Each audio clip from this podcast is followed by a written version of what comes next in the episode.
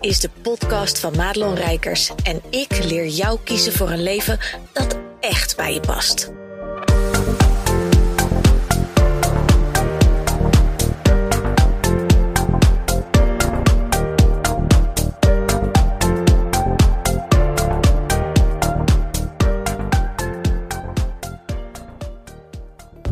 Ja, hi, is ze weer.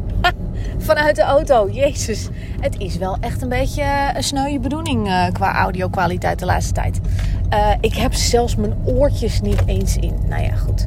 Dus dat. Dit is mijn manier om me te verontschuldigen als je denkt, eens wat een kutgeluid. Um, maar de grap is, ik ga mijn kinderen even ophalen. Die, uh, de, alle mannen bij ons thuis doen aan survival. Nou, dat, wil, dat je denkt, why? Is dit een sport? Weet je, jezelf afbeulen. Iedereen komt altijd half gewond en geschaafd thuis. Maar oh, oh, oh, wat vinden ze het leuk. Dus um, op dinsdag is dat altijd. Dus ik neem uh, nu deze podcast op. Terwijl ik ze dus ophaal en onderweg ben ik een podcast aan het luisteren. En uh, ja, die deed iets met mij. ik ga even voor de vorm en de privacy toch niet helemaal zeggen uh, van wie en wat. Uh, maar ik ga wel delen waar het, wat, wat het met mij triggerde. Want dat ging in zijn geheel over ook sales. Um, en over hè, hoe, je, hoe je bepaalde manier verkoopt en zo. En de titel sprak me wel aan. En als ik dan vervolgens zit te luisteren, dan bekruipt mij altijd zo'n soort jeukgevoel. Nou kunnen we daar van alles van vinden. Ik bedoel, ik, eh, je kan, ik, ik hoor je misschien wel denken: oh, dan heb jij nog issues op te lossen. I guess. Um, maar ik begin me steeds meer af te vragen of ik die issues wel wil oplossen.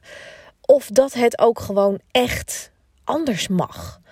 En um, ik denk dat ik daarom ook altijd zo moeite heb gehad met, met sales en het thema sales. En dat is al van way back when. Toen ik begon met ondernemen en een, een, business coach nam. En, en, en dat het natuurlijk heel erg ging over sales. En dat ze letterlijk ooit tegen me zei: Ja, weet je, als je, als je die hulpverlener wil blijven, prima. Maar start dan een stichting. Nou, die kwam natuurlijk super binnen, omdat ik ook wel snapte dat ik met mijn hulpverlenershart uh, ja, mensen kan helpen. Maar dat ik daarmee niet het bereik en de impact kan gaan maken. Even serieus. Maar gaandeweg uh, was het natuurlijk wel altijd dat salesdeel. Hè, van hoe haal je nou klanten binnen? Uh, en dat, dat zie je natuurlijk ook bij iedereen in zijn, in zijn marketing. Van uh, beste klanten aantrekken. En ik maak me er ook schuldig aan. En waarom? Omdat het een verlangen is van mijn klant. En ook van mij om klanten aan te trekken. Echter.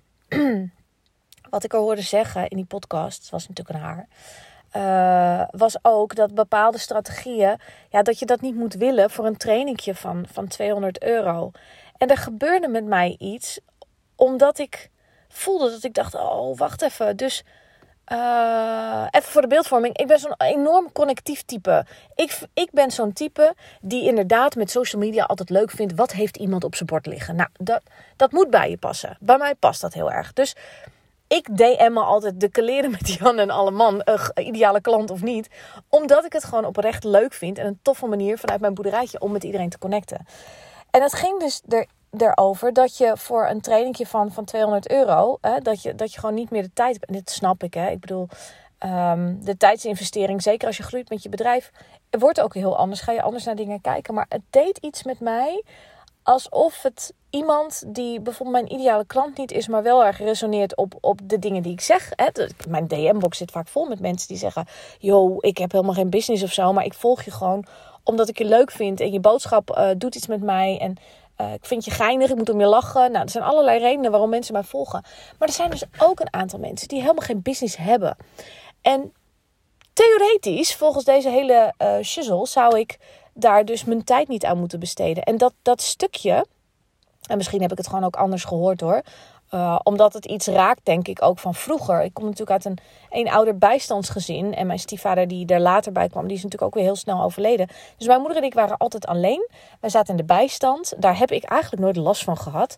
Maar ik wist wel dat er. Ja, de, de bepaalde dingen konden gewoon niet. Uh, we konden we niet betalen, simpel zat.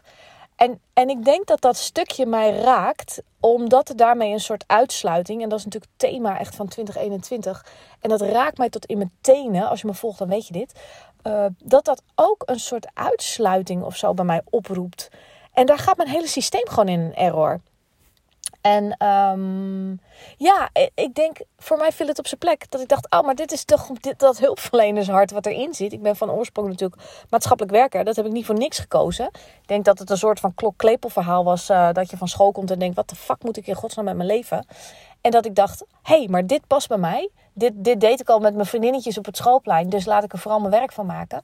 Uh, maar dat het niet helemaal de vorm was waarin ik dat moest doen. En ja, ik begin dus steeds meer ook te voelen dat dat stukje van mij er wel is. En dat dat niet te maken heeft met allerlei oude pijnen en issues. Maar dat dat misschien ook wel mee kan helpen in die verbinding die we nodig hebben. Die menselijke maat, die connectie die er is. En misschien klinkt dit allemaal helemaal te zoetsappig hoor.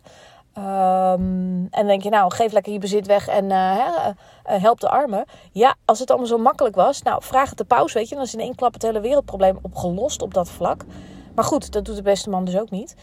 Um, ja, het raakt dus een stukje van mij. En, en ik snap dus nu waarom ik sales altijd ingewikkeld vond. Omdat ik in gesprek met mensen, op het moment dat ik loslaat dat er iets moet en dat ik oprecht gewoon luister naar iemand en mijn ding doe en vervolgens dus dat aanbod en daar kwam voor mij altijd dat ikkie moment dat ik dacht oh nu ga ik iets terugvragen uh, en dat heb ik inmiddels los kunnen laten hoor. Dus in die zin heb ik aan mijn issues kunnen werken. Omdat ik het zie als een, een wederkerigheid in energie. Maar dat raakte me altijd. Omdat ik sales... Echt jongen, ik werd er gek van. Ik snapte het niet. Terwijl ik ik kan echt wel verkopen. Ik heb vroeger ook in commerciële dingen gezeten. Maar dit was zo. Dit gaat van mens tot mens. En mijn drang om een verandering te maken in de wereld. Om mensen oprecht te helpen. Zit me ook daar wel eens in de weg. Om een oprecht aanbod te doen. Omdat ik dan ergens het gevoel heb. Hè, van oh, de ander vindt me niet oprecht. Nou, dat is gelukkig allemaal wel getackeld, zoals ik al zei. Maar als ik dan zoiets hoor. Dat ik mijn tijd dan niet zou moeten steken in mensen die me dus niks opleveren. Ja, daar, daar gebeurt nog iets met mij. En misschien mag ik dit ook wel gewoon gaan aankijken en adresseren van oké, ben ik er dan nog niet? Of maakt mij dit juist wie ik ben? En mag ik dit stukje uh, erbij houden? Um, en, en ik weet dat er legio mensen zullen zijn die zeggen: nee, moet je niet doen. Ik weet dat er even zoveel mensen zullen zijn die zeggen: ja, moet je wel doen. Dus de waarheid is er niet. Er is niet één waarheid. Ik mag dat met mezelf gewoon gaan aankijken hoe dat zit. Maar ik wil het wel met je delen, want ik weet dat er heel veel mensen, zeker de, de ondernemers met een missie, hè, daar schaar ik even het hele goed gemeente coaches en dat soort dingen, mensen die uh, helpen andere mensen hun verhaal vertellen, in copywriting, in whatever, die allemaal bij willen dragen aan een wereld die anders is, die mooier is ja, die, die hebben over het algemeen altijd moeite met dit stuk. En mijn vraag voor deze podcast, en ik heb dus het antwoord niet, maar mijn vraag voor deze podcast aan jou is: um, mogen wij daar gewoon moeite mee hebben? Mogen wij, als je een bedrijf hebt, eh, en ik ben heel benieuwd of je me wil laten weten wat, wat jouw visie hierop is, mogen wij ook gewoon dat salesstuk is loslaten? Mogen wij ook gewoon tijd investeren in mensen die uh, even niks opleveren? En um, uh, kijken wat dat ook teweeg brengt. Dus um, korte podcast dit keer. Let me know. Goed dat je luisterde naar deze podcast. Wil je meer van mij weten? Check dan snel mijn Instagram of kijk op www.madelonrijkers.nl.